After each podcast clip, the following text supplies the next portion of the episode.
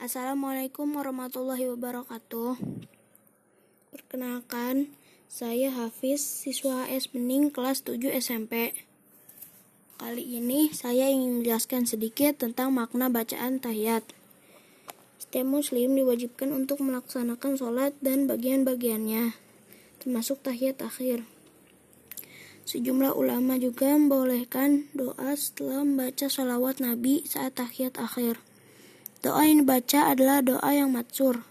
Boleh saja berdoa dengan doa apa saja yang berkaitan dengan dunia dan akhirat. Tetapi doa yang matsur lebih afdal.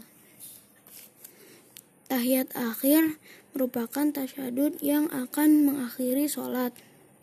Sebelum salam, pada dasarnya bacaan tahiyat akhir sama dengan tahiyat awal, seperti tahiyat, syahadat, dan Salawat. Assalamualaikum warahmatullahi wabarakatuh. Perkenalkan, saya Hafiz, siswa HS Bening kelas 7 SMP. Kali ini saya ingin menjelaskan sedikit tentang makna bacaan tahiyat. Setiap muslim diwajibkan untuk melaksanakan sholat dan bagian-bagiannya, termasuk tahiyat akhir. Sejumlah ulama juga membolehkan doa setelah membaca sholawat Nabi saat tahiyat akhir. Doa yang dibaca adalah doa yang matsur.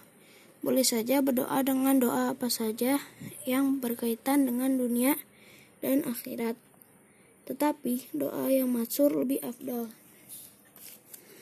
Tahiyat akhir merupakan tasyadud yang akan mengakhiri sholat.